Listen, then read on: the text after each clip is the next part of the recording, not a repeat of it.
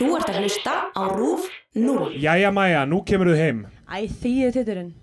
Þegiðu bara sjálf og verð ekki alltaf með hennan dónatón við mig Þú átt að koma heim að borða Æ, farðu bara að dingla þér hana. Hommiðin. Þú átt að sofa heima hjá þér eins og annað fólk Axel, ég... Ég gera sem það sýnist. Djöfullin Fjastýringuna fyrir sjónvarpið Fjastur ykkur fyrir sjónarbið? Já, Hvað finnur þau?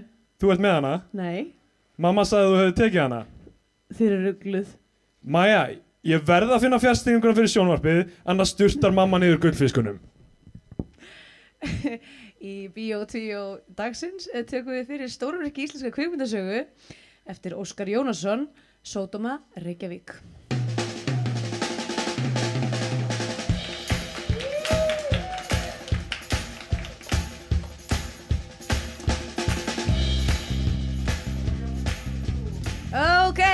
Sæl og blessuð það verið velkomin í live útgafu af 2 Sæl, Steindur Gryðar, þetta er Steindur Ó, oh, fuck, ég er ekki búin að taka, ég er ekki búin að fara peysinu, býta þess Herru, já. Hæ, ég heiti Steindur, þetta er Andrea. Takk fyrir að koma og húrra í kvöld. Er ekki allir í stuði? Gott að sjá svona marga meðvirka vini hérna í kvöld.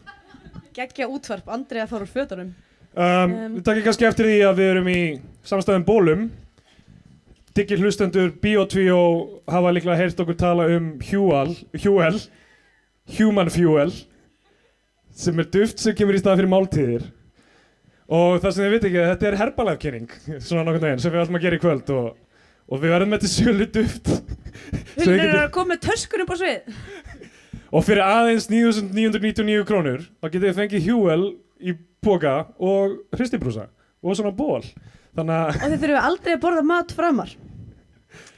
Af því að við veitum nú öll hvað er leiðilegt að borða mat.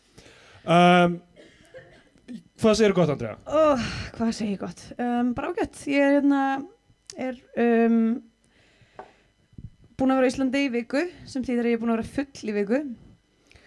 Og það er svona pínu farið að taka á lífærin minn Já, ég finn svona það er svona fílukall á að myndast, bara svona byrtast í gegnum húðina yfir livrinu minni. Ok. Um, þetta, Þú sett berðist líkamlega merki að hafa verið full? Uh, já, Ok, eða þú veist já. Um, ég er bara þreytt. Sko ég, ég er virkilega að reyna að nota sviðið hérna svona fyrst við erum á sviði af því það heyrist svo vel í reyna að útvarpi. explora þess rýmið. Mjög gott fyrir hlustendur heima í stofu uh, Stofu? Hver hlustar á podcast í stofu? ég fer alltaf í stofuna til að hlusta á mín podcast Sest fyrir framann podcastvélina. Söpnumst þú alls saman í, í kringum, kringum uh, podcast-tækið? Það er þá sem fjölskyldur byrjuði að liðast í sundur þegar allir hættu þegar allir hættu að söpna saman í kringum viðtækið. podcast, viðtækið um, Já, það, er, það, það var svona fyrsta merkið um, um hérna, hnignun uh, okkar, okkar samfélags var já. Mér langar að segja eitt um þegar uh, fjölskyldur hættu að njóta podcasta saman. Já, Fjölskyldur sem hlusta á podcast saman endast saman. Uh, Já, neitt, nákvæmlega.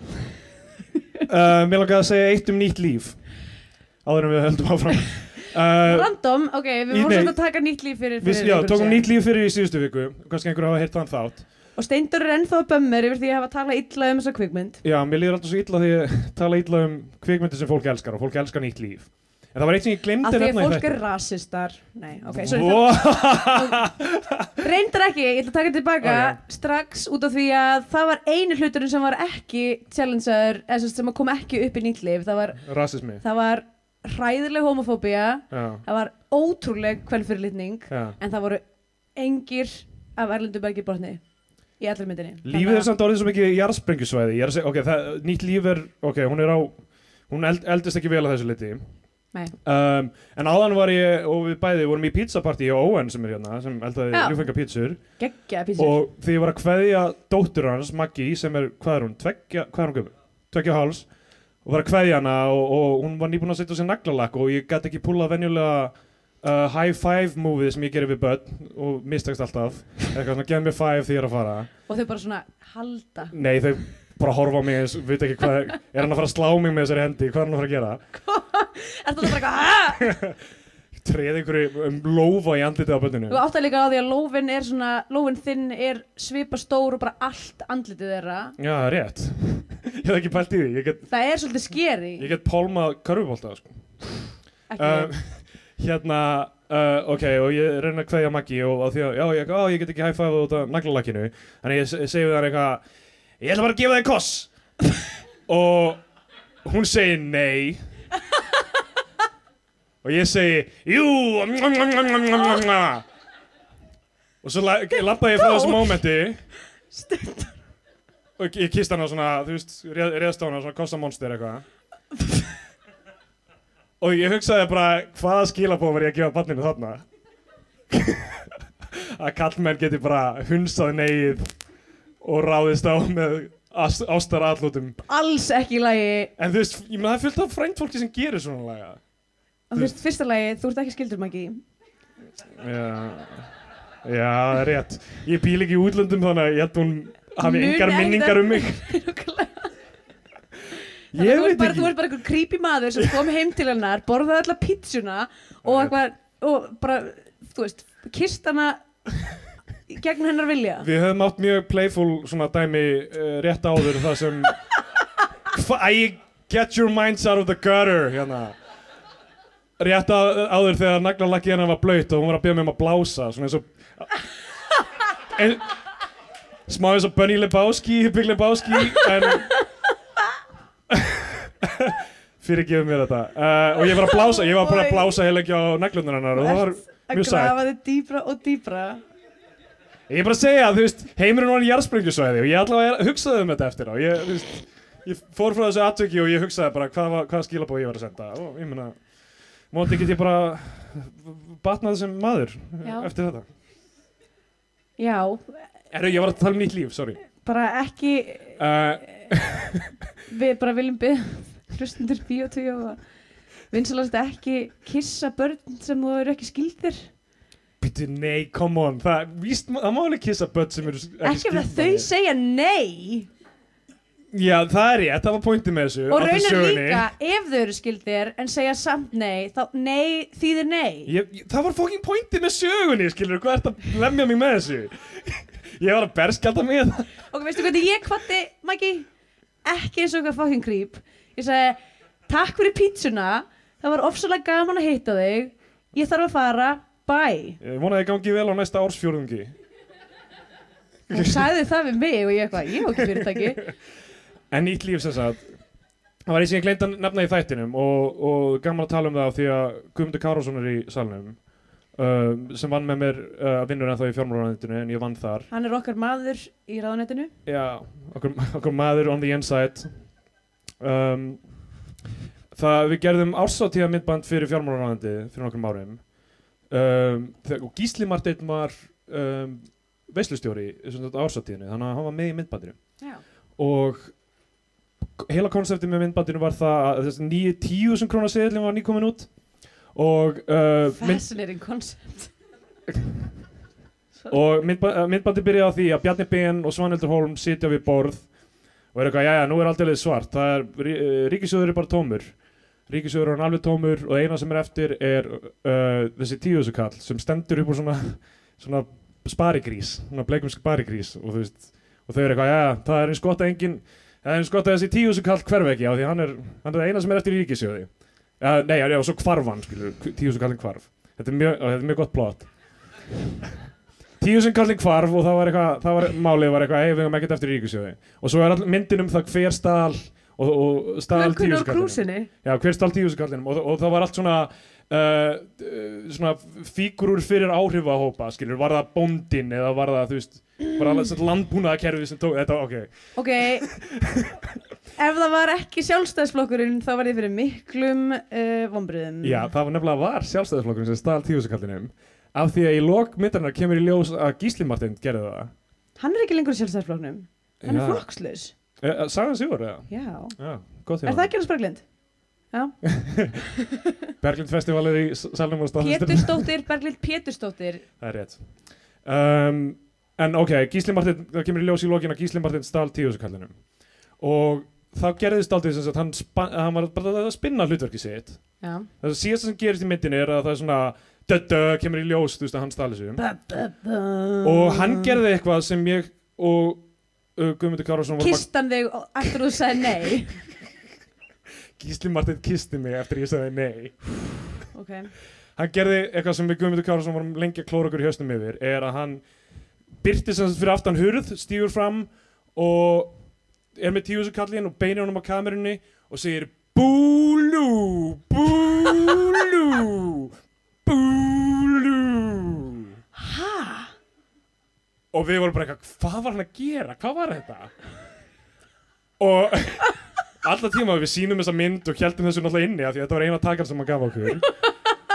Svo gætum við ekki eitthvað að edita þetta til.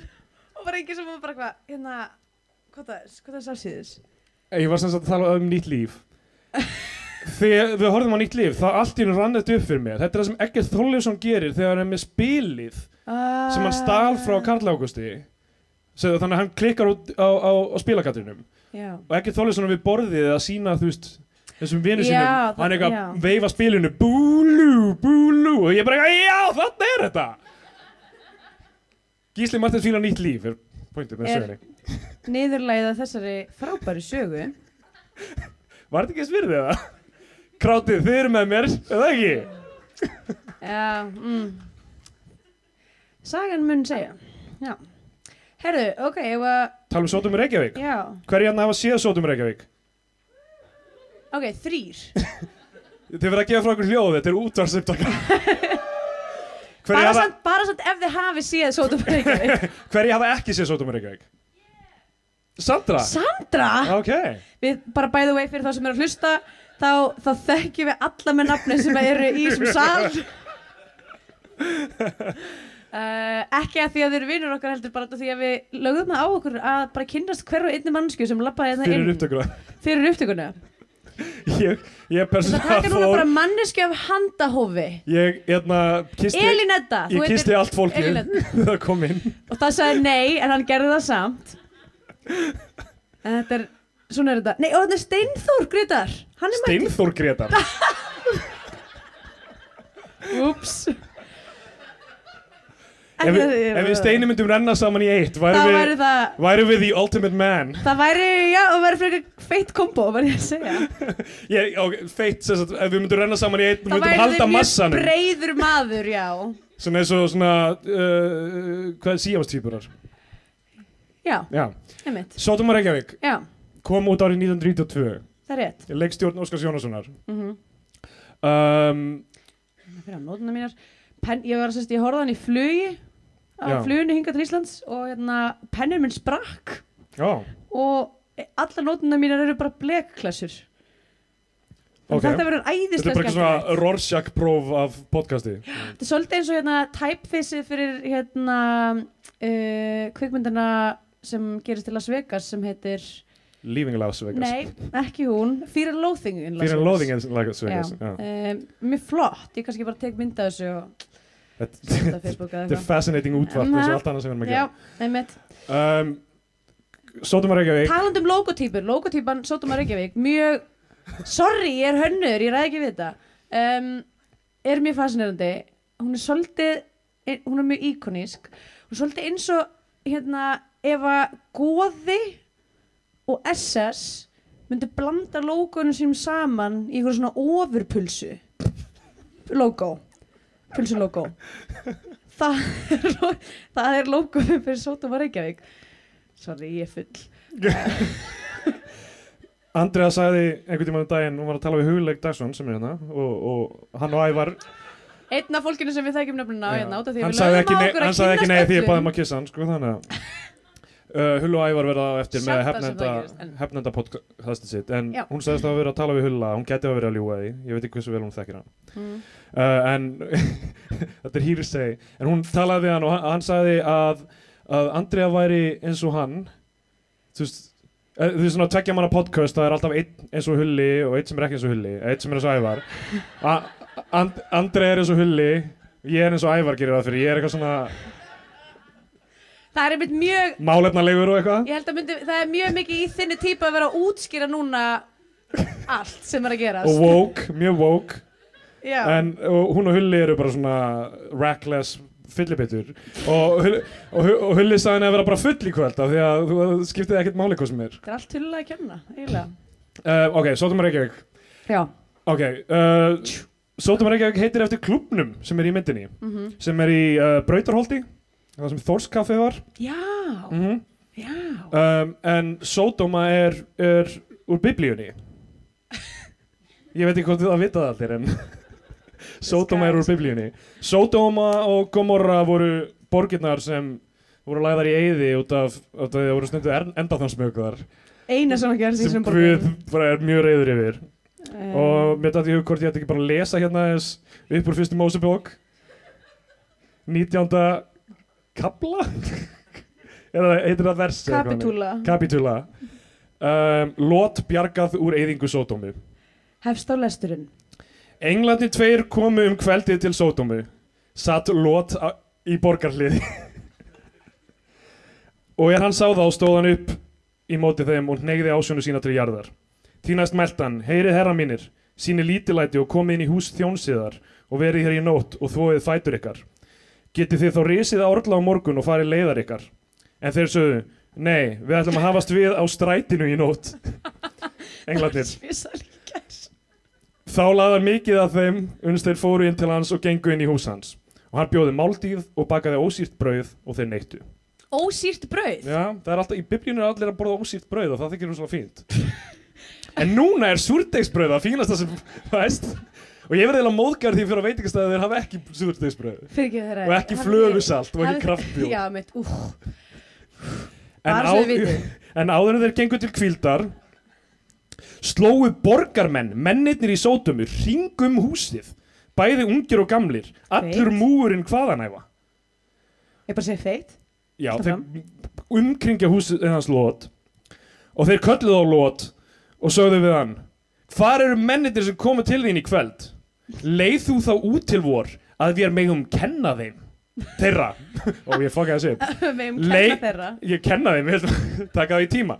Nei, leið þú þá út til vor að við megum kenna þeirra.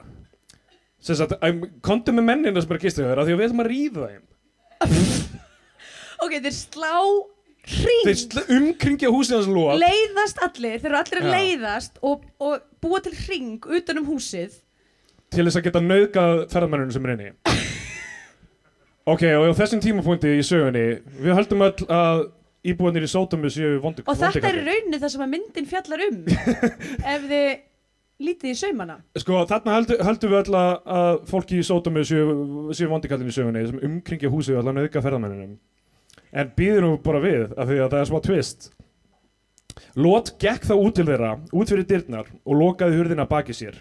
Og hann sagði fyrir hvern mun bræðu mínir fremjið ekki óhæfu? Hann er að býða um að nauðga ekki gestunum hjá sér Sjá, ég á tvær dætur sem ekki hafa kallmannskent Ég skal leiða þær út til ykkar. Gjörið þið þær sem yður gott þykir. Hold nú upp Ha? Fucking Lot segir ekki nauðga ferðamönnunum heima hjá mér Nauðgi frekar dætrum mínum. Og hann er góði kallir í sögunni.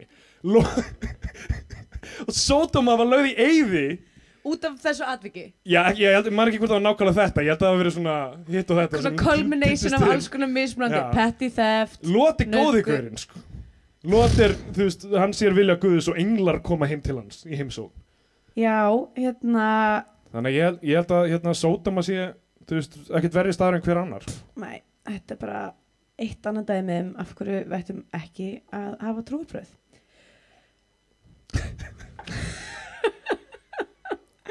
Allavega, Sótum og Reykjavík hérna, Ok, mér langar að koma, koma þessu að veginn að fermast bara ílega eða hvernig er það, nei. Um, Já, uh, hérna er ég meitt, nei, þetta er klassa. Um, Þetta er algjör disaster. Já. Ok, Eitt sem ég þarf að bara áður við byrjum Eitt sem ég þarf aðeins að adressa er þessi tussutrillir á byrniðjurundi á bytniðurundi Já. Hann er með tussutrill hann er með ros, við erum, við erum að tala um sko langan hann nær niður fyrir höguna alveg lágt. Hann er búinn að sapna ég vil vita var hann með hann? Eða er þetta, þú veist, fyrir karakterinn? Óskar bara, þú verður að láta þig vaksa tussutrilli og þú verður að byrja, ok, við tökum eftir sex mánuði, byrjaði núna. Já, sko, við viljum hafa hann langan. Castingið í þessari mynd Við viljum hafa hann langan þetta er mjög langar tussur. Castingið í þessari mynd er náttúrulega alveg magnað sko. Og við myndum tala um nokkra personur hérna sem, sem uh, eru mjög áhugaverðar. Mm -hmm. en bara byrja með plottið ef þið munið ekki hvernig Sótum Reykjavík virkar þá virkar? Um, Björn Jörundur leikur Axel. Björn Jörundur Friðbjörnsson leikur Axel. Já. sem vil bara fá fjastinguna sem hann tilbaka því annars mun mamman styrta niður gullfiskurum hans. Er finnst þetta honestly geggjuð opnuna sinna þetta er ótrúlegt premi sko myndin byrjar á því að því við erum búin að, við erum búin að taka rosa marga Íslendingar eru óðir í farsa. Já, þeim finnst bara farsar geggjaðir. Og bara það að einhver týnir liklunum sínum út í hraunni og fer óvart til hveragerðis er bara top comedy fyrir suma. Og, og við erum búin að þess vegna erum við búin að fara yfir svolítið mikið af försum.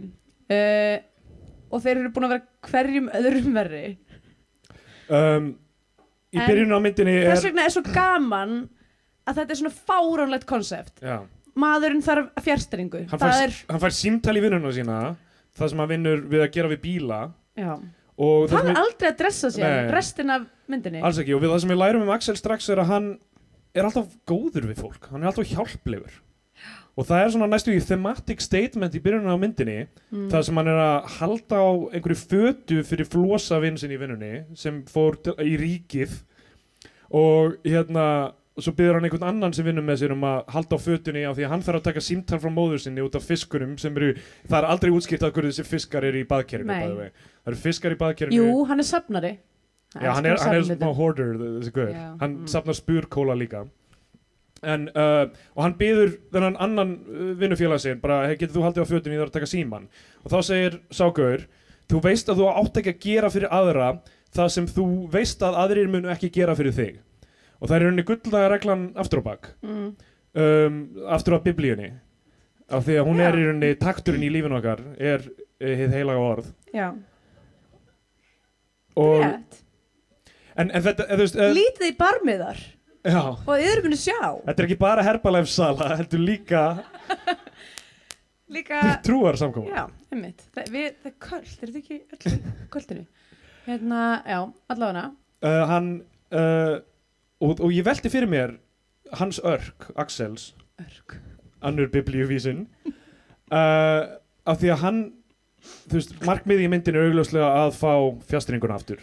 Af því að, og það sem er í húfi, það sem er í húfi er stórt, gælutinn hans munu annars deyja, af því að Já, mamman við sem erum, að tala, um- við erum að tala um sko að því við sjáum sem skota baðkarinu það eru svona 20 að minnstakosti fiskar í þessu baðkari Já, þannig að það eru mörg líf sem að liggja já, í lúkunum á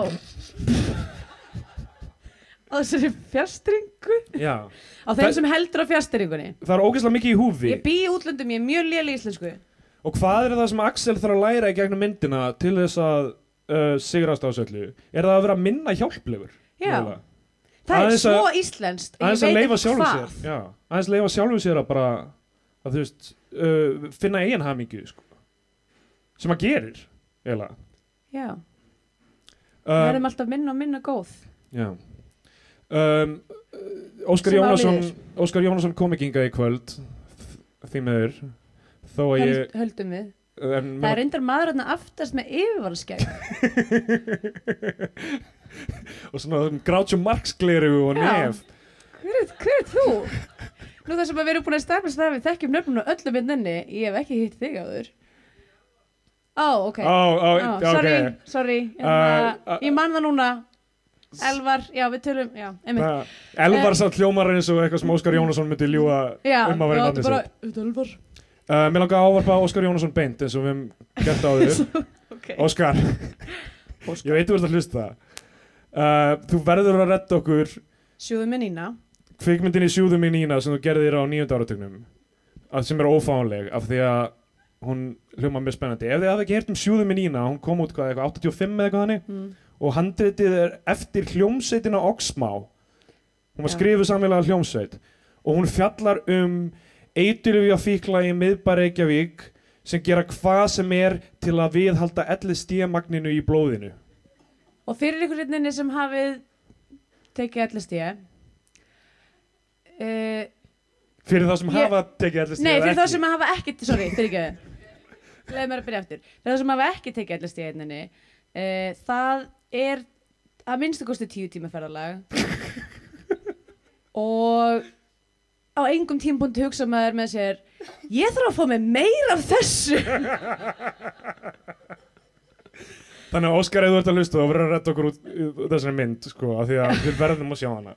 En heyrðu, oh my god Ég, sko, ég, var að horfa Ú, ó, ég um, uh, Ég var sérst að horfa á Útgáfan sem ég var að horfa á Var viðhafnur útgáfa Einhver svona ammalis Eitthvað, hérna, ef það er íslensk útgáfa af kriteríun útgáfi Þá er þetta slík. Hún er með Eh, 25 ára í ár Já, hún er upp til 25 í ár. En þessi, þetta DFT kom samt ekki út í ár En hérna, uh, það var aukaefni Og ég horfði á aukaefnið Af því ég var först í flugvél Og það var dauður pólveri Sem var múin að hella bjór yfir allt Hliðan á mér Þannig ég komst ekki neitt. Um, hann sopnaði sko fyrir flugtak þessi maður.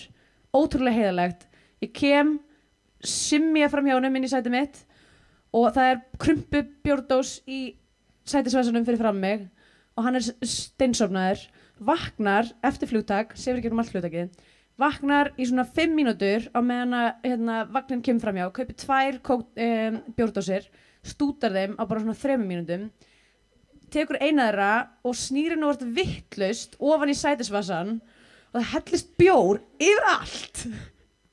Og svo sopnar hann bara strax eftir og ég er föst inni í sætisvöðinni og, og ég var bara að horfa á Sotum Reykjavík og var með svona aktuál svona skemmtistæða lykt bara að því hann var líka rosa mikil reykingafíla á honum og bara bíó og bara allt, allt að gerast sko. Ef hann hefði ekki verið svona ótrúlega þreyttur það hefði hann öruglega verið flugdólkur um, þannig að það var mjög góð stemming í fluginu og bara fullkomin lykt fyrir þessa mynd og mér fannst eins og þetta væri svona eitthvað svona smellorama með passaði gett vel. Og, og hérna, já, ég horfði aukaefnið og þar kemur fram viðtal við Óskar Jónasson um það að upprunalega ætlaðan þegar hann var að fara að byrja að gera Sotum Reykjavík ætlaðan að gera endurgerð af sjúðu með Nína Hæ? Já, hann segir sem sagt eitthvað, já, við gerðum þarna mjög eitthvað svona skemmtilega litla mynd sem heitir Sjúðu með Nína uh, en hún var tekin upp á mjög slæma filmu og, og mjög svona crappy quality og eitthvað og mér langaði svolítið að, að gefa, gefa þessari sögu betri skil en svo fór ég eitthvað svona í svona pre-production og þá komst ég að því ég vildi eiginlega frekar segja bara einhverja nýja sögu frekar heldur Suður með allir sé Nínu. einhverju element af sjúðum í Nína í sótumu. Ég hugsa það það er sko, eina sem er sem tengist síru í sótumu er brjánsi og ég veit ekki uh, við, við verðum að tala um brjánsa og ég ætla, mér langaði að spara það en Mm. brjánsi leikinn af Stefáni Sturlu Sigurjónsinni sem býr í Finnlandi mér langaði að geta mikið að Fáninga að hann býr í Finnlandi núna Já. Hann er einhver me- besti, mest flest átt karakter íslenskra kvikmyndasögu.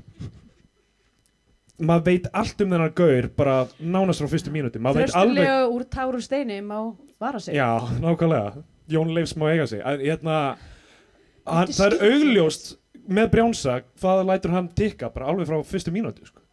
þetta er, þetta er gegn- Óryggi, nei. Já, algjör, er svona broken masculinity dæmi. Og hann er kallað brjánsi síra Broken masculinity er, er, er þema í þessari mynd af því að maður sér það líka í aðalpersonunni, Axeli mm að hann á erfitt með sig, hann er með bíl. Stór partur af myndinni er snýst í kringum hennar bíl. Um, sem að er bara framlegging á getnaða færumanns já, uh, af því hann á svo erfitt með sig, elsku kallinn já, já, hann er með dúlla, hann er svo mikil dúlla. Og sýstir hans búlýr hann og, og kallar hann titt og homma.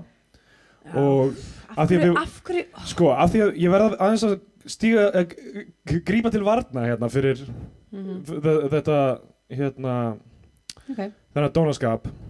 Af því að þessi eins og í nýtt líf það þjónar engum tilgangi hérna, þessi homophobic slur í, í henni sko. næ en þarna er það mjög lýsandi fyrir personundar myndi ég segja. Hvernig. Maja sýstir Axels er svona emasculata hann alltaf það passar mjög mikið í að byggja upp karakterinn, það Já, þjónar tilgangi. Sama með Brjánsa sem segir setna í myndinni, þeir, þeir, þeir eru alltaf að tala um að opna, taka upp klámmynd og opna vændishús. Og klámynd sem heitir annarkvort ástarsviti eða ástarhlungur fyrir eftir hvor, hvor leikur í henni af, af lífvörð Meggis Þorleifssonar sem við komum að eftir. Er það starf sem er laust bæði því því ég myndi alveg Ég held að við varum geggið saman í hjúelbólunum okkar. Já. Um, Brjánsi er að, að hérna að reyna þeir að taka sérst, unni sem leikina Sóli Eliasdóttur um, taka hana fast að þú veist, ræna henni basically og er eitthvað svona, já, værið þú ekki góð í vændi? Eitthvað, við getum látið þig. Og hún byrjar eitthvað svona að spila með og eitthvað, já, já, sko. já, fullt af vinkonum sem geta En verið bara með því við eitthvað erum að fara að dýfa okkur í þessi sinnu þá ætlum ég bara að segja uh, þessi mynd stendst Bechtelprófið á sjöundu mínútu sem ég held sér mögulega bara afri, þú veist, það er bara ég held ég hef aldrei séð mynd ekki bara íslenska, heldur bara einhverja mynd sem að stendst Bechtelprófið á sjöundu mínútu. Hvað með eitthvað svona uh, Hannah and st- Sisters. já, Hannah and the Sisters eða Secrets of the Ja Ja Sisterhood eða eitthvað. Þetta eru einu konumyndirnar sem ég þetta eru Clueless kannski, já, já, ok, ég, veist, ég er, Uh, ég er að gera Já, grínsteindar já. en please, þetta, gera, þetta er mjög alvarlegt. Uh, ok, en það sem hann segir við uh, Unni á þessum tímapunkti er eitthvað, hún er eitthvað, ég, eitthvað ég get rettaði fullt af stelpum til að vera í vændishúsinu þínu. Og hann er eitthvað brjánsi eitthvað, "Eh, já. Og, og svo segir hún, og strákum. Og hann segir, strákum? Új, heldur að við séum einhverjum homatittir og maður bara, ná, þetta er það sem Brjánsi á að segja í þessum einmitt, nákvæmlega það, væri skrítið að það myndi ekki gera Já, þannig að veist, það, þetta meikar sense, skilur, það er ekki eitthvað að hoppa, að hoppa framhjá eitthvað svona slör þegar það áviðin personunar, sko. Um, hvar voru við stöðar með til þetta? uh, Brjánsi Þetta er, þetta er mögulega erfiðast á vesta yfirferð á mynd sem við nokkuð nokku í öllum þátturum bara að hingað hafa til. það.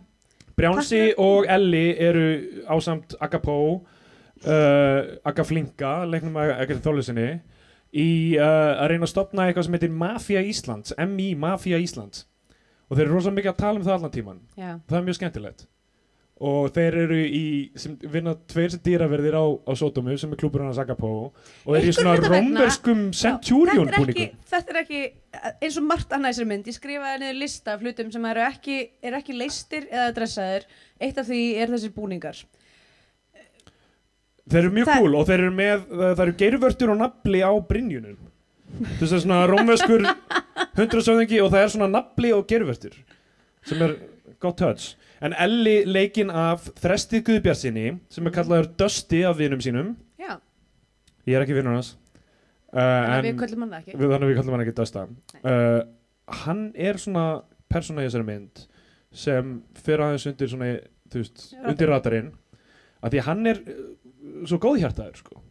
mm. já, hann vill ekki taka þátt í hann, hann er, ok, hnífurinn sem þeir eru alltaf að mynda.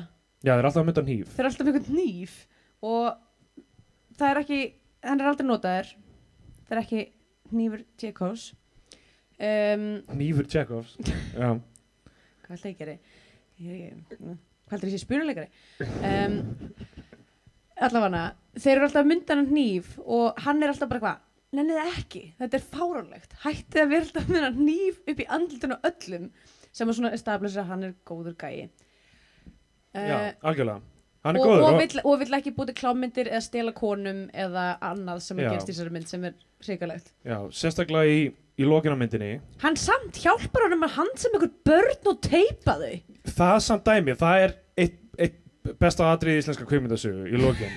Það sem þeir eru að reyna að hilma yfir það að hafa sagt, þeir, þeir ná loksins axelarni í lokin og þeir ná unni og eru búin að teipa þau og eru með þau við á og ætla að drekja þeim með eitthvað Já, ætla hérna, steipa, steipa fætnar á þeim og henda þeim út í á. steipa þeir Nefna í áin er alls ekki nógu djúb.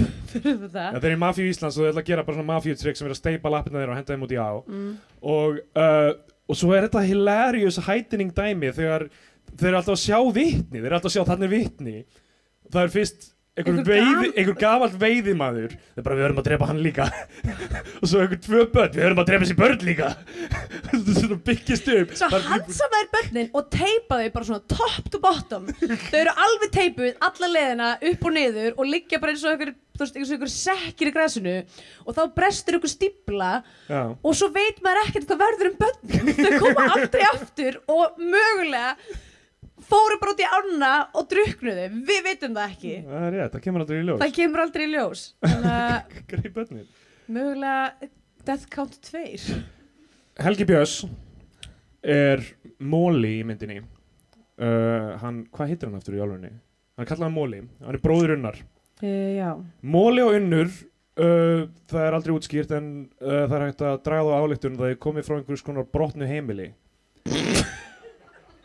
af því að þau kunna ekki munin á vinstri og hægri. Hvoru þeirra. Og og öll skilnaði börn kunnaðu ekki munin á vinstur og hæri við myndum ekki vita það sem að við erum bæði úr mjög fallum og góðum Mm. fjölskyldum. Hulleika ekki munin á vinstri og hægri. Hann er, þú ert skilnaði börn getur þú útskýrt þetta fyrirbæri eitthvað?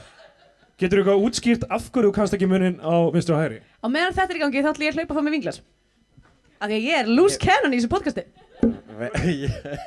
það er það sem ég sagði.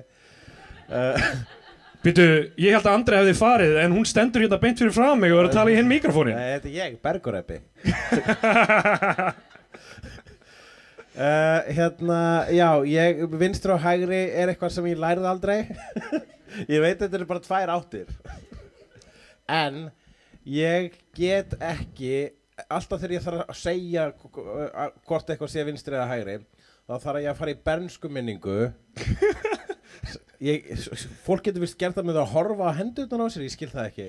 En, e- eða ó- e- óri á sér en ég hérna ég þarf að fara í minningu þar sem að ég var um, einu sinni í Svíþjóð að labba á samt öðrum Íslendingum eða vinum fóruldra minna. Og þau þetta eru alltaf svona kommunistar og hérna Svíþjóð, ég veit ekki hvað það er. og einhverju tíðanbili þá vor, vorum við að leiðin eitthvert og svo áttu að beigja til vinstri.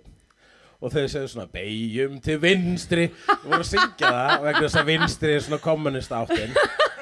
Og hérna og þá beig, löpuðu sko í, í vinstri og þar var garður. Og ég man að hinum megin voru múrsteinahús þannig að ég alltaf þegar ég hugsa hægri vinstri þá er ég hugsa bara garður múrsteinahús og, það, það, og þessi, þessi skúffa í hausnum á mér er sko hún er alveg svona 5 sekundur í burtu. Þannig að alltaf þegar ég þarf að segja eitthvað sem hægra vinstri þá er ég bara svona vinstri. Og ég þarf að hugsa um garðin eða múrstina húsin. Já, Já. ok, bye. Gefum höfla gott klapp. Sko, það er náttúrulega ekki hægt að útskýra vinstri og hægri með orðum. Nei, Það er ekki hægt. Eins og litir, hvernig vitum við hvaða litur er í alvörinu sá litur skilji hvað ég við Því síru haus er þú. Ég er bara að reyna að halda sírumagnin í blóðinu mínu. Sko, við, um, ef ég sem sér hann hérna uh, á einu tímapunkti þá kallar hann Dust, nei, ég Dusty held að sé kannski bara algjörlega það er algjör reygin fyrir að reyna að fara línulega yfir þessa kvikmynd. Já, það, hún er ekki línuleg beint. Nei, og ok, hann er kallaður uh, hann, hann segir við hann, hérna Elli segir við Brjánsa, þú ert síruhaus. Og þá er það er bara, þá þagna allir, það er bara, þetta var nú óþarfi. þetta var nú alveg ómaglegt þú ert síruhaus það, er- það er ekkert rosa Akkur er þetta að horfa svona á mig? þú ert síruhaus Líka? þetta var nú óþarfi. En hérna uh, sko ok, hvert voru komin, já, Helgi Björns er móli og hann er að reka eitthvað operation af efri hæðinni uh, á einhverju Ok. sjoppu Oh, senan það sem að, fyrsta senan sem að Helgi Björns er í mynd. Ég bara, ég, ég, ég stipla öll upp. Hann er sko svona, hann er svona, snýr svona baki í kameruna og maður sé bara svona lopa peysu. Svo snýr þessi við og hann heldur á litlu badni og, og það var eitthvað svona ungur Helgi Björns með eitthvað geggjaða lokka í lopa peysu með unga badn fór að bara klingi í ekkjastokkum Já, bara svona oh! Það rumskaði sko í drukna pólverðum hann er að reka eitthvað operation af efri hæðinni fyrir Ha? sjoppu þar sem hann er að hann er að falsa peninga Prenta the ultimate 90s glæpur Já. falsa peninga. Hann er að bara prenta út peninga bara, bara svona svona bara skann af seðil sem hann er bara að prenta út og hann, hann er einn af góðu gæðinum í myndinni hann falsar peninga og bruggar áfengi af því Ok, að, að, Óskar Jónasson er með eitthvað fascination já, að því Reykjavík Rotterdam. Já, sem er líka Óskar Jónasson flick þá er góði kallin í henni leikin af Baltasar Kormák að flytja brugg frá Hollandi til Íslands. Hann er að flytja landa frá hann Hollandi er að flytja landa frá, frá Hollandi til Íslands. til Íslands. Það er plottið í Reykjavík Rotterdam er að það er maður að flytja vöru ólöglega frá Hollandi sem er hægt að brugga í klósettskál á Íslandi Sko á þessu stað sem við náðu húrra meðan þetta var þýskibarinn þá var verið að brugga landa hérna niðri og það, er Já. alveg vit- það voru bruggræður hérna Ég, niðri ma- ég fór einhvern tímann að fela með það niðri og það Var einhver að reyna að kissa þig?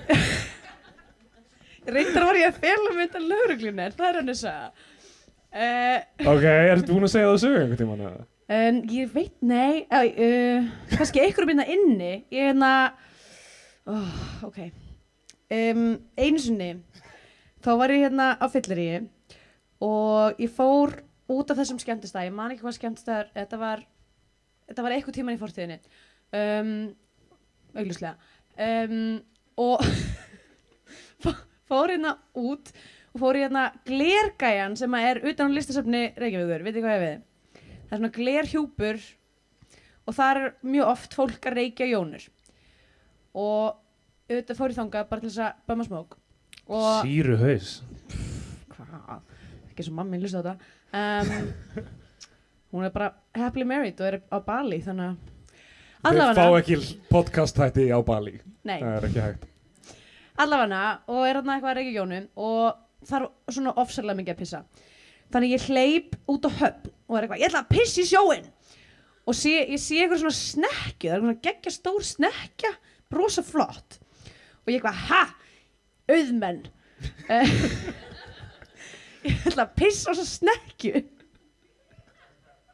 og og ég fer og það er eitthvað svona grindverk.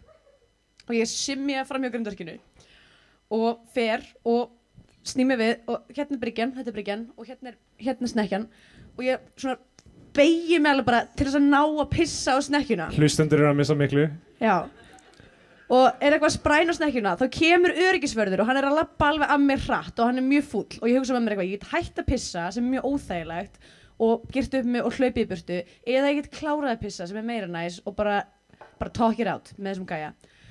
Ég, ég ákveð setni valmögulegan Og hérna Og hann er, Þetta er þó ekki fyrsta skipti sem þetta búið að gerast í þetta kvöld Og hann er alls ekki Hann er having none of it og hann finnst þetta óþúlandi, hann er eitthvað rólir í nætuvakt og það er eitthvað fólk alltaf að brjótast inn undir þetta hlið og pissa yfir höfna, var endur, ég var fyrst til þess að pissa á snekkjuna en það var annað fólk búið að pissa í höfna Og hún gerir þetta á þess að hafa tippi að ég læt ekkert stöða mig. Þetta er bara, þú veist, fjóruði bylgi feminismi og pissar á snekkjur hvort sem þú ert með tippið eða píku. Um, þetta er það sem formæður þínar börðust fyrir og dói fyrir allavega hann er mjög reyður, hann er búin að ringja laurugluna og bara, þú mátt ekkert vera hérna, þú ert búin að brjótast henni inn á eitthvað, þetta er álók afgjert svæði og bla bla og eitthvað, ég, eitthvað, ég, vildi bara ekki myndi sjá píkuna mína eitthvað, algjörlega. Um, og, og svo bara kemur laurugluna og ég er bara handtikinn fyrir að pissa á snekkju. Og ég keirði í einhverjum trukk upp á hlem og hérna oh, það verður verra sko að því að ég skil ekki hvað er af hverju allir eru svona reyður út í mig. Að því ég er bara ég er bara að pissa á snækju og eins og ekkert sé eðlilega og, og þá hérna kemur á daginn að þessi snekja er í eigu Tim Cook, eiganda Apple. Og, og ha, það er greinilega eitthvað, það er búið að vera eitthvað svona að því hann er auðvíkingur og eða þú veist hvað, hvað heitir það? Auðkýfingur. Auðkýfingur, já, thank you. Um, Auðfíkingur Nei, fíkin í auð. Alveg, hann er ríku maður. Það gerir hvað sem er til að viðhalda auðmagninu í blóðinu. var, þetta var ekki svo langt síðan það hefði verið eitthvað svona skýr mótmæla skandall á Íslandi. Þar sem einhver hefði flykt skýri á einhvern. Eða eitthvað líka. Og það voru allir á nálum yfir, yfir öllum þessum mótmælandum og lauruglan held að ég vera að mótmæla Tim Cook. Mótmæla nýja iPhone-inum sem er ekki Já. með fucking með því að pissa á þessar snekju ein um miðja nótt. Og rúsinir í pilsendanum að því að þessi girðing var þarna ég veit ekki hvernig það virkar en þá var ég sagt ekki á alma, heldur var ég alþjóðlega lögsögu? Sjó, og það var, búið, það var eitthvað svona mix í gangi. Þannig að þið gátt ekki kært mig fyrir að pissa á elmannu færi. Þannig að þau voru svona reyðir út í mig. Þetta segja þarna við höfninu og gildi engin lög? Allavega það var það sem þeir sögðu um mig. Ég var reynda mjög full og búin að reykja Jónu en uh, allavega þannig að þeir voru ég var mjög lengi og ég var eitthvað svona eitthvað að djókið þeim og eitthvað og fekk ekki, ég fekk ekki að fara fyrir en ég fór að gráta bara óksla mikið af því að það vill enginn eitthvað fulla konu sem að grætur mjög hátt. Þannig að þeir voru eitthvað, ok, við þurfum bara að taka henni nafnið þitt og kentulegina og ég er ekki með skilriki þau eru á skemmtistæðnum þannig að þeir, þessi lörgluþjónar keira mig hingað. Svo ég geti sótt skilriki svo þeir geti skráð mig inn í þetta kerfi eða whatever, tekið niður það sem var að gerast með pissið og snekkjuna og allt það. Og og þeir, ég, veit, ég skil þetta ekki enn þann daginn í dag af því þeir eru bara já, ok, hluftu inn og sæktu veskið og komdu aftur út. Og ég er alltaf bara hleyp inn hleyp niður, fatta svo að ég skildi eftir veskið mitt hjá vini mínum í, hérna, hérna glerhylkinu og, og var ekki með henni skilur ekki þannig að ég fór bara niður og faldi mig fyrir aftan þess að bruggkúta og við vorum að tala um að það Já. var verið að brugga landa hérna. Nákvæmlega, við erum komin í ring já, Og hérna, þá aftur á sótum í Reykjavík af því að Þau sem þurfa að fara á sótum í Reykjavík til að, að því að fjastýringin er kannski þar eða eitthvað. Það er, ég, þetta er mjög óljóst. Þetta er allavega Þau fara á þennan klúb um, Og það er rosa fjör. Og það er, þar er þessi hérna Í fyrsta lagi Ham er að spila. Já. Nema að ok, er það- ekki að spila Ég meina það, það eru allir aðna í, úr ham. Sigurður Kjartason er aðna Óttar Propp er aðna Ari Mattíasson þjóðleikustjóri er í ham í í, þess, í þessum heimi. Uh, og hann er söngvarinn. Já, þeir voru sko Óttar, hann, hann mæmar Óttar Proppi samt er Óttar Proppi með honum á sviði. Ég er með smá little tidbit hérna. Er Ó. að uh, sem sagt, í öllum sem tökum að því að Björk uh, fyrirfærandi tengdamóði mín var að, eitthvað svona viðlóðin þessa mynd hún var eitthvað að taka upp um, tónlist, hún er nokkur lög eftir hana. Það var lag eftir hann í lokin. Og, okkar, og hérna, hún var eitthvað svona að hafa yfir sjón með tónlistinni eða eitthvað sliðis og hún sagði mér að hérna, í öllum tökunum þá hefur þeir alltaf allir skipt um hlutverk. Já, þannig að þeir voru svona róter alltaf. Þannig að í, ef maður fylgist náu með þá eru þeir stundum að skipta eftir tökum um hljóðfæri. Á einu tímabúti í myndinni bara skemmtilegt, ég veit ekki. Þetta er mjög skemmtilegt tidbit. Svona smá behind the scenes fyrir ykkur normies þannig úti sem veit ekki hvernig kvikmyndabransin virkar. Segi ég. Sem já, kemur á sterk ég bladra um kvikmyndir hérna mm einu sinni viku. Allavega, held það fram um, einu tímapunkti þá fara allir á hljómsveitinni af sviði til að fara í grænaherbyggi bakvið og eitthvað rífast. En tónlistin oh, heldur tónlistin heldur áfram allan tíman og svo er þetta alltaf koma einn og einn af öðrum í hljómsveitinu eitthvað, hei, við erum ennþá að spila gig þetta frammi, endur um öll hljómsveitin komin inn. Já. en tónlistin er ennþá í gangi og þeir eru eitthvað, Síðan Kjartósson er eitthvað með bassan eða eitthvað hérna, bara, eh, hvað er í gangi hérna, eitthvað. Að þeir eru alveg ennþá strömmend og fullu en það er ekkert það er enginn á sviði á þessum tímapunkti. Það er enginn á sviði og það er ekkert hljómfljóðfærin er ekki tengt í neitt sko. Nei. þannig að þetta er allt mjög áhugavert. Um, Björn Jörgundur byrjar að klífra í gegnum uh, loftræstikerfið eins og John McClane í Die Hard. Oh, ég hugsaði að því að ég hef eins og hérna farið og hann ræsi að því að af því að þú sást það í Turtles já 100% nákvæmlega út af því ég sagði Turtles ég var sittandi á bekk með vinnum mínum Sindrafrey og við vorum að drekka um, þetta er auðvitað fyrir svona tíu árum og við vorum að tala um Turtles svo, eins og maður gerir eins og, maður eins og maður gerir táningur. þegar maður sittur á bekk og laugavegi Já. og er að drekka um, og við sögðum bara til svona, svona við vorum bara svona að tala um ekki, að það er ekki ekki feitt að vera nýri ræsinu og svo bara svona litið og svona ákvæmst annað eitthvað, förum í ræsið.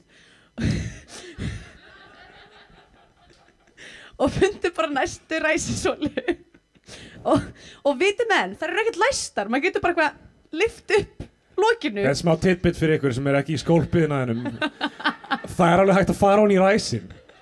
Það er bara hægt að Þú fara getur á bara, op, þú getur bara að opna ræsi og fara niður. Það var allt út kúk þar og við fórum strax aftur upp.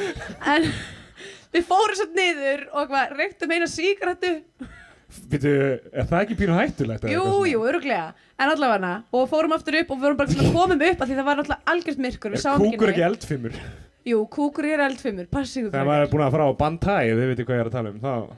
Okay. Pappa brandarar hérna galor Býst innilega afsökunar og erum öll út í kúk, förum í bræsinu og förum eitthvað niður á aktu taktu og sæbrut og þetta er um miðja nótt og það er bara einhver bólugræfin úlingur sem er á vakt og við komum inn eitthvað svona svolítið eins og hérna svolítið eins og þegar að uh, Beatrice Kiddo fer upp úr gröfinni í Kill Bill og æðir inn á eitthvað veitingastað og byrður um vatn. Við vorum þannig nefnum bara með kúk. Og erum eitthvað svona við ætlum ekki að kaupa neitt en megum við fá geða mikið af pappír? Þau erum út í kúk að þau fórum í ræsið Þetta var viðbjóðslega saga, ég skil ekki hvernig það tekist loftræstu kerfi, en ok, flott. Uh, Nei já, ég ætla að segja að því að næsta, næsta svona dót fyrir mig er að einhvern tímann fara upp í svona loftræsiskæja Já, já. Um, þetta stefnir í að vera langlengsta podcastu okkar. Ég, við hefum slatta eftir, við þurfum aðeins að, aðeins að gefa í. Um, sko, það sem gerist á sótum, það er rosa mikið fjör, það er allir að leita að fólki, er, það er búið að lofa uh, verðlunum fyrir þann sem finnur mól, nei, Axel Þú eru allir inn á sem klubb ógæslega miklu fucking snitches. Já, það er allir snitches inn á Sodoma og það er búið að lofa velunum fyrir þann sem getur fært Agapó, Axel eða Móla því að það er einhver ruglingum með hvori hvor. Mm. og sö- þau velun eru ferð fyrir einn til Costa del Sol. Það eru velunin Svo mikið að góðum húmor í þessari mynd sko. Það er svo mikið að fucking fyndu shit í þessari mynd. það, bara, veist, það er action og það er, það er uh, svona visual grín í gangi allan tíman Og allan fucking tíman set designið Set designi, ég ætlaði að segja.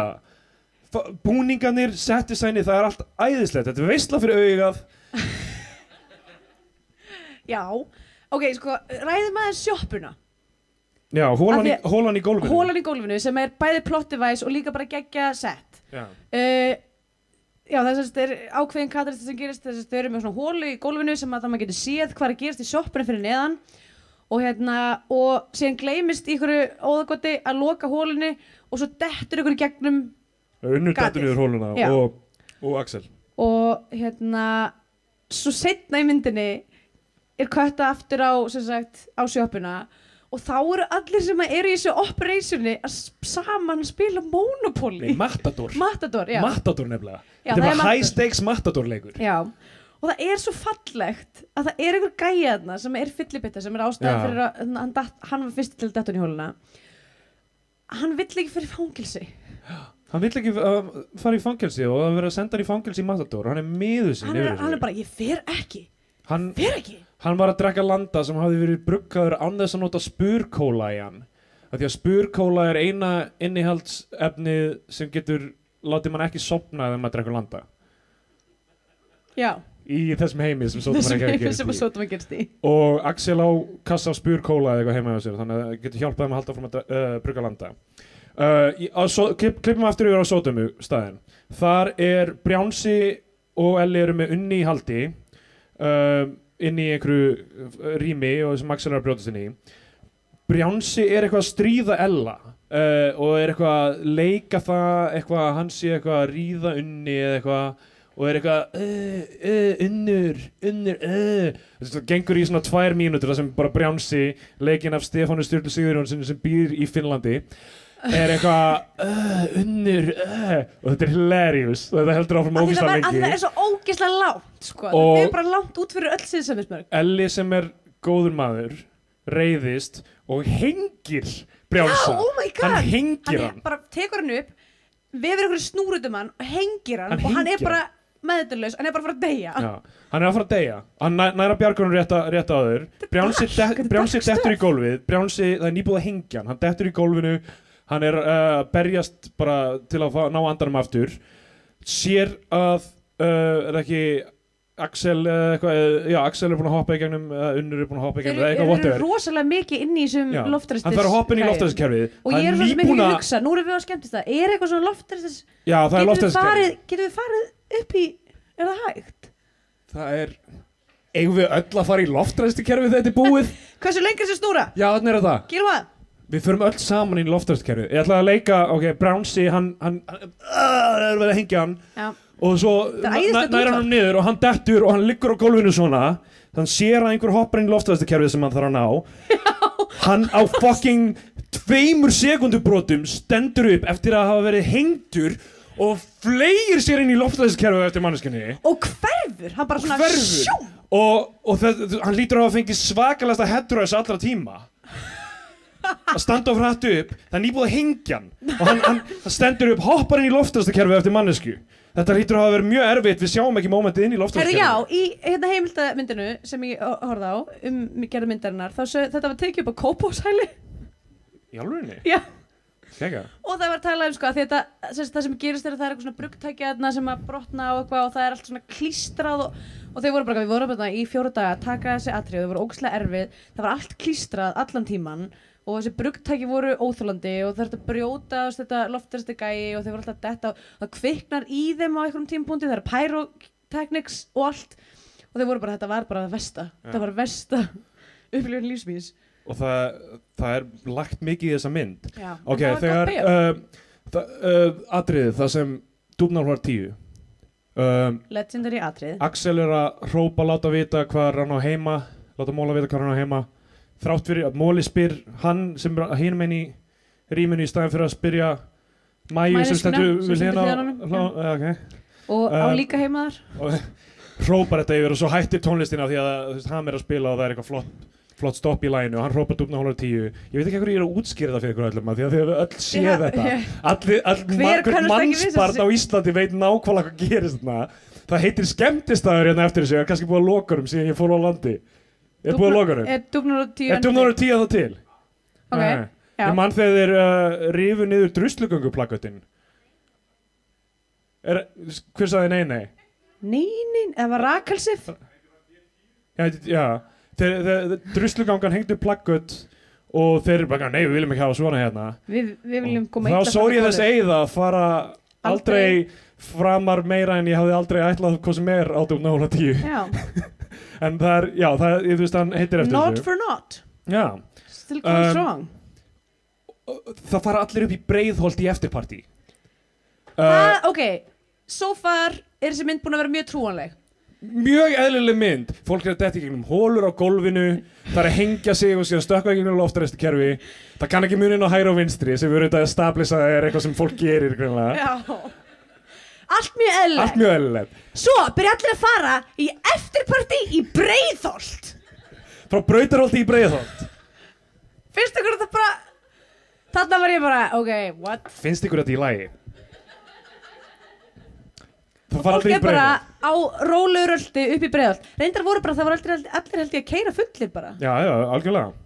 Uh, Ari. Matt og Óttar Proppi taka mömmu Axels og Mæju uh, og setja henni í bát og fleit honum niður allir Það áttar. fannst mér trúalega heldur en allir verið að fara í fucking party í, fucking Breiðholti Aldrei, að- jú, ok, ég hef tvísunum farið í party í Breiðholti Ég veit ekki hvað verið í gangi í 90s. Bæði skiptin hef ég verið lamin, þannig að Vá, ok.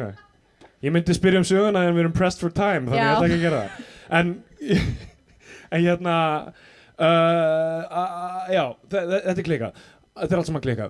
Og uh, ég veit ekki hvernig ég var í 90s, kannski voru allir bara með sífælt allir stíðamagn í blóðinu og bara meikuðu það að lappa, þú veist, upp í breiðhótt. Hvað það lappi upp í Breiðholt. Uh, á þessum tíma eru Unnur og Axel að ná saman. Axel er byrjað að reyna að leita haminginu sjálfur. Hann hættur að gera allt fyrir alla sem gera ekki neitt fyrir neitt eða hvernig sem það er. Já, og uh, er, að- er bara, hann er að finna haminginu sjálfur. Hann er búin að bjarga konunni. Hann er búin að bjarga unni. Að bjarga, ok. Og svo verða þau fljúandi bíl. Uh, b- bíl eða flýgur á þau og þau verða fyrir honum og þeim, Ekki fljúandi bíl, heldur bara bíl sem að er ekki eins og endurinn á grís heldur bara bíl sem sem að er svífur upp. þú, fer, þú veist aðeins upp, já, hoppandi bíl bíl sem Uh. að er pínlítið að svona taka smá svona bíl sem hefur hafið sér til lofts. En mun lenda aftur. Já, mjög lenda aftur. Og svo lendir hann aftur. Þau verða fyrir bíl og þeim er ekki mynd af Nei, þeim er ekki mynd af. En svo er allt þetta dæmið sem þeir eru að eitthvað reyna að dre drekja þeim og drepa sér börn og þennan veiðimann og eitthvað sem er hilarious. Mm. þetta frábæra smákrimi element. Um, Svo um, uh, og þar vinna þau. Vinna, Vinna. Vond, vondukallarnir eru tegnir uh, Axel og Ok, hér er eitt sem ég þarf að að því við erum aftur komin að sinni þar sem að börnin eru teipuð og gamli maðurinn er að labba í burtu. Uh, það er búið að teipa tvö börn sem að sáu að Ok, fyrsta lagi hefur, hefur ekkert aldrei veit hann ekkert um neitt af því að hann heldur að steipa bara þotni á fimm mínútum? Uh, Agipó úr leinifélagi Agapó uh, Já, hann er mjög spes karakter og Ekkert Þorleifsson er mjög fyndinn í honum. Uh, Hann og Helgi Björns voru saman í þessu le le leinifélagi þegar þeir voru litlir Móli og erum við Agipó svo síkartubruna í Já. lófanum. Sigarettubrunni í lófanum og eitthvað secret handshake og eitthvað svona. Já. Ég held að Ekkert Þorleifsson væri svona 15 ára meldur en Helgi Björns. Það eru sex ára á heldur milli bara- þeirra. Hann heldur sér svo, Það eru 6 ára millir þeirra. Svo Helgi er maður. Hann er svo, Svo- svo- Það eru 6 ára millir þeirra. Um, Helgi Björns er miklu eldri en maður heldur. Um, En ok. Það er kannski allt þetta jazz og fuck Eh, Hverji Hverji kveikt á þessu? Uh, Þrösturlega og byrtist og handtekur Já, heyrðu, þetta er, all, ég held mögulega allar myndir sem við höfum tekið fyrir eru með ég, ta ég taldi það Þrösturlega er í átta af þeim 20 kvikmyndu sem við tekið hingað til. Já, Hann var í Brúkumanum, Tárusteginni, 101 Reykjavík Þriðja nafnið sem ég myndi ekki mæla við, við neina mannski að horfa á Sveitabrúðkaup, en hún er ókipis á uh, Vimeo ef fólk vill. Reykjavík Rotterdam, Malmhaus og Sódaman. Um, Æðislega upptalning hér Herðu, annað í þessu. Annað í þessu. Uh, Fiskandi lifa af. Fiskandi lifa af. Nei, ok, samt, þetta er álitamál. Það er því að það er pissað á Af því að fyrst uh, Sigur Jón Kjartason pissar í baðið og svo eftir hann er búin að pissa í baðið leggst hann í það Er það ekki bara að synda í kringum hann eða eitthvað? Ég er ekki svo viss um að fiskar lifi þetta af Sigurjón Fyrst- Kjartason í fangið? Eru fiskar með fang? Nei, jú, herðu, já Fiskar eru ekki með fang Þeir eru sjávarfang Stendur, drulla. Þetta er búið að vera- þetta er langur dagur. Þetta er þriðji podcast-þátturinn sem ég tek upp í dag, í alveg Fyrir hvern? Ég er ekki að fá borga fyrir neitt af þessu. Hvað er ég að gera við líf mitt? Það er alveg að vera búið. Let me get real with you hérna for a second. Ef einhver ykkar er með vinnu fyrir mig sem ég get unnið frá Ok, þetta nú Berlín er ég bara að stoppa þig að því þú bannaði mér að pimpa sjálfum mig í þessu podcasti. Ok. bara sest aftur í stólinn og reynum að klára þetta. Kláru, reynum að komast í gænum við það Já, um, það sem, ok þau, ég, hún- þau, þau eru með fjastinningu og þau eru með nýtt sjónvarp og allt er gott. Fiskarnir eru mögulega döðir eða lifandi, við vitum það ekki. Fiskarnir, þetta eru fiskararsveitingar þeir eru annarkvort lifandi eða döðir Það, það er til Sigur Kjartason Legston á það. Já. Þá eru þeir annarkvort lifandi eða döðir Eða Já. bæði á sama tíma. Eða, bæ- já, þeir, nei, þeir eru ekki annarkvort heldur Já, eru þeir bæði bæði, á sama tíma, bæði já. lifandi og döðir Quantum Mechanics. Random fiskar. Uh, Hérna Unnur Leggina Sóli Elistóttur Já, nei, ég ætla, ok, sorry, ég núna manni hvað ég var að fara að tala um. Okay. uh, Gamli kallinn, ok, það er þarna, búið að teipa börnin Börnin eru teipuð, from bottom Liggjandi í grasinu. Maðurinn sem að var að veiða í, í býst við ellið ár Ellið á, á Ellið á uh, Sér börnin alveg Sem búið að teipa Tvö teipuð börn Bara, bara alveg Hérðan og alveg hingað Það er búið að teipa börnin. Og, og gamli maðurinn sem er að veiða sér þau alveg og hann er bara, jú, jú, jæja og bara lappar í burtu. Og hann er með Já. drull. Hann er með drull um þessu börn. Það er ekki lægi, finnst mér. Nákvæmlega, það er ekki lægi Við getum tekið afstöðu með þessu.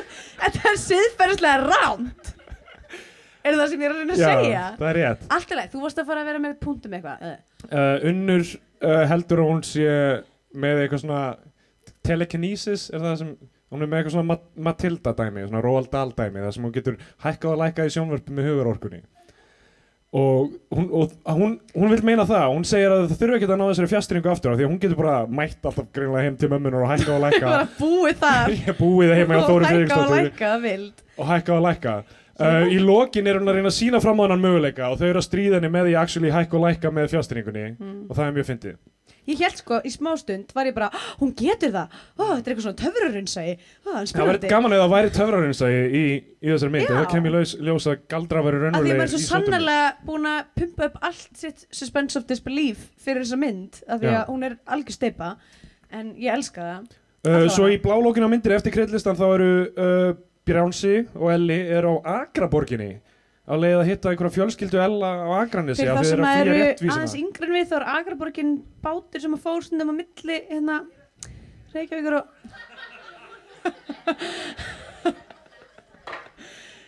Býttu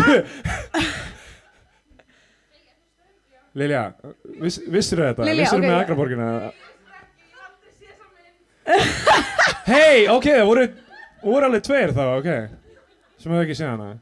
Akraborgin það var ferja á milli Reykjavíkur og Akranes átti sitt blómaskeið á tíunda áratugnum. Hún var líka í blossi og örgulega einhverjum öðrum myndum. Þetta er fyrir tíma hvalfjörðagangana já. Sem að Rakel Sif, hvað er göngin gömul? Akkur eru þetta að spyrja Rakel Sif? Að því hún skrifaði Facebook post um þetta. Skrifaði massasökirinn sína um ok, það var á Twitter Já, já. 16 ára eða eitthvað svona. Ó, ok, allavega, skiptir ekki máli. Ok, Ég held geggja við, ég held við höfum- náðu utan um þetta allt saman og myndir er skýri núna í hugum allra sem eru vistattir eða hafa hlustað. Já. um, Er einhverjar einhver komment eða spurningar úr sal á þessum tímapunkti? já, er eitthvað sem að þið voru að pæli og vilji ræða? Nei. Svo ég sé ekki neitt svo ég kem bara hérna niður. Æ, Ég held að fyrir hlustendur þá getur það mögulega verið þannig að eins og við séum ekki fyrir framann eitt fólk sko. Við erum alltaf að lýsa í þessu sem eitthvað að standa upp og hoppa og eitthvað þannig en er eitthvað með einhverja vangaveltur eða spurningar um Sótum Reykjavík? Það er allt í lagi að þau eru ekki með það, við erum komin langt fram yfir tíma. eða bara um, eða bara um þú veist, ef það er að díla við eitthvað. Er það að díla við eitthvað? Það er allir hérna, er engin skilnaðaböld það er allir, kunna allir munin og hæra og vinstri og bara okay. flott fólk þannig að við þurfum ekki að taka spurningar. Ef það er eitt svona main takeaway frá, frá þessu kvöldi þá vona ég að sé að, að þetta er vinstri og að, að Hjúel er til sölu á 999 krónur. Bókin og Eh, bara og- trúa á eða enda þann smög um, í lokin ekki verið eins og lot. í þakkalistanum fyrir þessa mynd er Ólafur Ragnar Grímsson Grunum minn þarna er að hann hafi verið fjármálaráðura þegar myndin fekk styrk. Já, ok, það er ekki jafn skemmtilegt. Ég held að vera eitthvað annað, alltaf læg Það Ég mjög gaman ef hann hefði komið upp á lögu hugmyndina. Hann var á sírutrippi með Óskar Jónasinni Skari Hvað ef Bælti þessu Venjulegu gaur Sem er rosa hjálplegur Þarf að finna fjasteringu Og Bjarga gullfiskunum sínum Og læra á meðan Að vera ekki jafn hjálplegur. Ég mun vera að fórseti Íslands eftir fjögur ár. Þetta var samtal sem átti sér stað. Já. Scandinavian Pain Index. Ó, shit, við Fyrir- erum að gera allt þetta. Fuck, ok. Fyrir þá sem uh, hafa ekki lustið á þáttinn þá er þetta uh, skali, óskiljanlegur skali sem Andri bjóð til um það hversu mynd, mikið myndir fjallar inn í einhver svona skandinaviska hefðum eimd og Vólaði og, volæði. Já, um, nokkri punktar. Landi. Landi, uh, Það er brotin kallmennska brotin kallmennska Stórt issue þetta eru eimdar hlutir. Já, í íslensku samfélagi. Um, Bara kastar ekki steini á þess að hitta brot, brotna kallmennsku hérna í þessu samfélagi ykkur Íslendinga. Um, ég þarf að neyða litla stelpur til að til að kistara mér Já, ó en fyrirgefðu, ég vona ef ég skal borga fyrir sálfræði tímana fyrir Maggi ef þess er þörf. Og pítsurna voru mjög góðar. Takk fyrir pítsurnar á um, Hvað fleira? Breiðholt? Þetta, við erum, við erum hérna grasping at straws að reyna að finna einhverja Já, eindi það er ekki, þetta er, er, síkadilju sem þessi mynd er. Hún er mjög hress, Já. það verður ekki tekið frá henni. Það sem ég finnst að gera samt vel er að hún lítur á Íslands samfélag af því að það er, málið með Skandinavian Pain Index er að það er að gera grín að þessu dæmi sem er Íslendingar að finna til með sjálf og sér. En er óneitanlega skemmtilega að gera er að, er að finna til með sjálf og sér að maður getur gert það gegnum húmor. Og það er það sem Sotumar Reykjavík gerir. Hún er ógislega fyndin en hún er samt að skoða Íslands samfélag á þann hátt sem sagt, að bara ábyrði rauninni bara hvað er, það er alls konar, alls konar pottar brotnir Það mætti segja að Sótum að Reykjavík uh, Sé- var, sé varpi kameruna á Íslands samfélag. Eins og, þetta er, þetta er það sem við erum. Ó, ok, ég að allar að segja eitthvað með Sex and the City, allarlega, whatever. Herðu, já, já, fuck. Við verðum að gera catchphrase okkar. Uh, Það mætti segja að uh, eins og í Sex and the City er New York 15. personan já, þá mætti segja að uh, landi landi Sé sé ein af aðalsögupersonunum í lífi Óskars Jónassonar Það er ekki hægt að forsa þetta catchphrase Það er það sem við vorum að læra já, núna við erum búin sko. að læra það, ok, sorry ah. Búi, þetta er hræðilegt Allavega, ok, ég ætla að segja hérna, mm, ég ætla að gefa þessari mynd um, fjóra af 20 landabrúsum Já, ég ætla ekki að gefa henni nema einn af e, e, e, já, tvo, ok. Tvo, tvo Andrea. Tvo af 22 unglingum hangandi í strætóskili Því að það byrja, atriðið sem vorum að lesa í byrjuninni er uh, Sigurnar Kjartansson og Maja er að hanga í strætóskili það kemur aldrei í ljós eitthvað af hverju það er Nei. en það, þeim er múlandi hlýtt. Gott hangout spot samt. Já, Ég hef hangið í ekki. Það var komið að þeim tímapunkti í, í þættinum þar sem, ég ætla að standa upp fyrir það. Það var komið að þeim tímapunkti í, í þættinum þar sem við gefum myndinni annarkort sess á flaggskipi íslenska kvikmynda og þá fær hún íslenska fánan. Eða við mælum með því að fólk horfi frekar á einhverja bandariska Hollywood-dellu og þá fær hún bandariska bjánan. Andrea, vilt þú byrja? uh, Já, já, ég ætla samt ekki að standa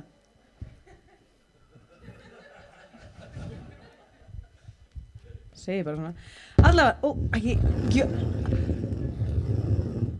Brotin kallmennska Er það sem við erum að horfa á hérna núna.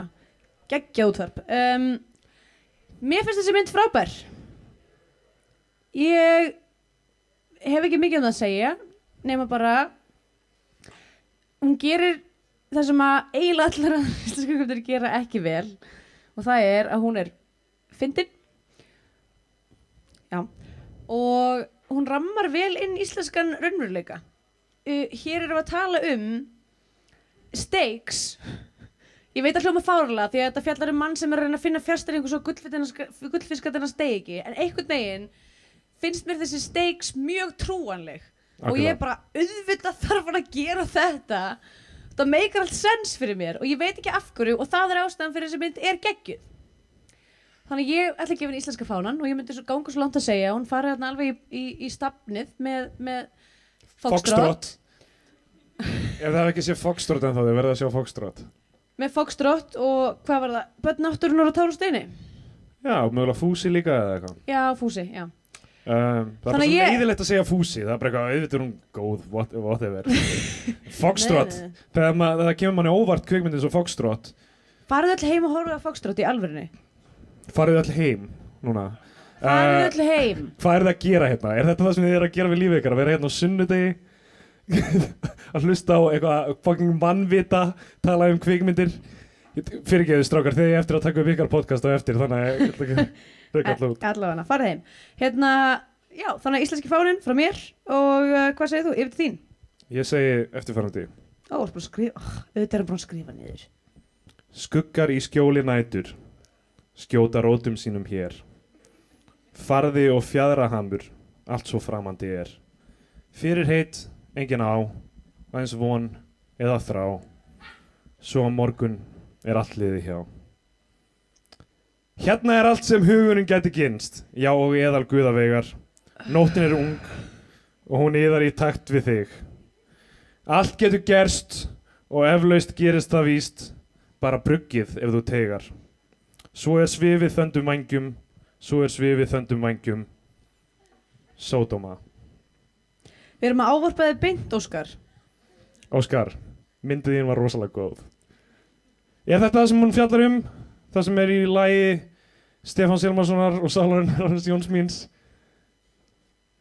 Sódóma Það eru engin enda þar smög í þessari mynd. Það er engin enda þess mjög í þessari mynd uh, En uh, ég myndi segja að þessi mynd fjallaði raun og veru um Frá okkar allra Að finna fjárstýringuna í okkar lífi. Og uh, ég veit ekki með þig En mér finnst ég að hafa fundið fjárstýringuna í mínu lífi. Og hún er ekki þú, Andrea. Ég myndi segja að Brotin hvern mennska Mm. Sótumar Reykjavík fær íslenska fánan beint í stafnin geggjumynd, algjör klassík og ég er svo fegin og hún var klassík Oh. að ég hafði ágjörð að ég, ég myndi finna eitthvað "Eh, þeir sögðu hommið þarna eða eitthvað nei, það var geggjuð mynd frábær mynd Herru, þetta... klöppið fyrir Sótumar Reykjavík Já, allir... Mm.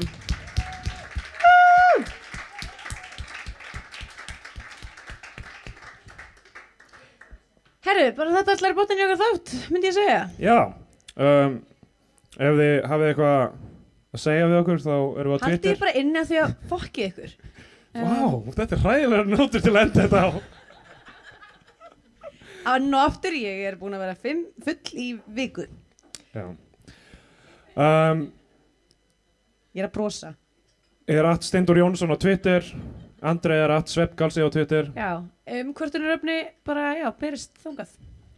Þetta voru var 20. þátturinn af Bio2 uh, Við hefum eftir að gera svona þrjú ára þessu til viðbúta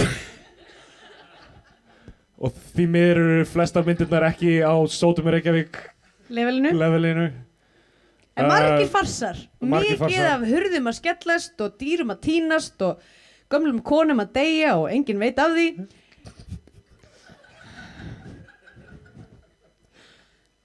Og bara, please Please ekki hægt að hlusta því að það er eina sem gefur mér von Það er okkar fjárstyring. Því ég er fucking vakna, stundum vakna ég á modnana og það fyrsta sem ég ger er að horfa á Ok. íslenska kvikmynd Stundu vakna ég á mótnana og ég bara, að, oh, ég er ekki með að því ég er freelancer sem er kót fyrir atvinnulegs og ég vakna, vakna, og ég hugsa bara, ó, ég dó ekki svefni. ég dó ekki sem the sweet relief of death kom ekki og listi mig undan þessari self-imposed skildu að horfa á allar íslenska kvikmyndir. Þannig ég þarf að byrja morgunin á því að horfa á fucking uss og tala um hana síðan. Og þetta er bara stór stór tjanga minni viku fyrir þetta. Þannig að endilega haldið áfram að hlusta og please sendið okkur eitthvað þannig að við vitum að þið séu þarna úti. Takk, fyrir komuna! Þið, sem eru í salnum ég er að bresta í grát Takk fyrir að koma krakkar. Þið, það var ógeðslega gaman að þið skildu koma á sunnudagskvöldi og bara gefið hefnendunum gott klapp, gefið ykkur sjónum gott klapp gefið Óskar Jónassoni sem ég veit er að hlusta gefið honum gott klapp, takk fyrir okkur. Ok, woo! Skuggar í skjóli nætur Skjótar út um sínum hér. Farði og fjara hamur Allt svo framandi er Fyrir heit þrá, aðeins von eða þrá, svo á morgun er allt liðið hjá.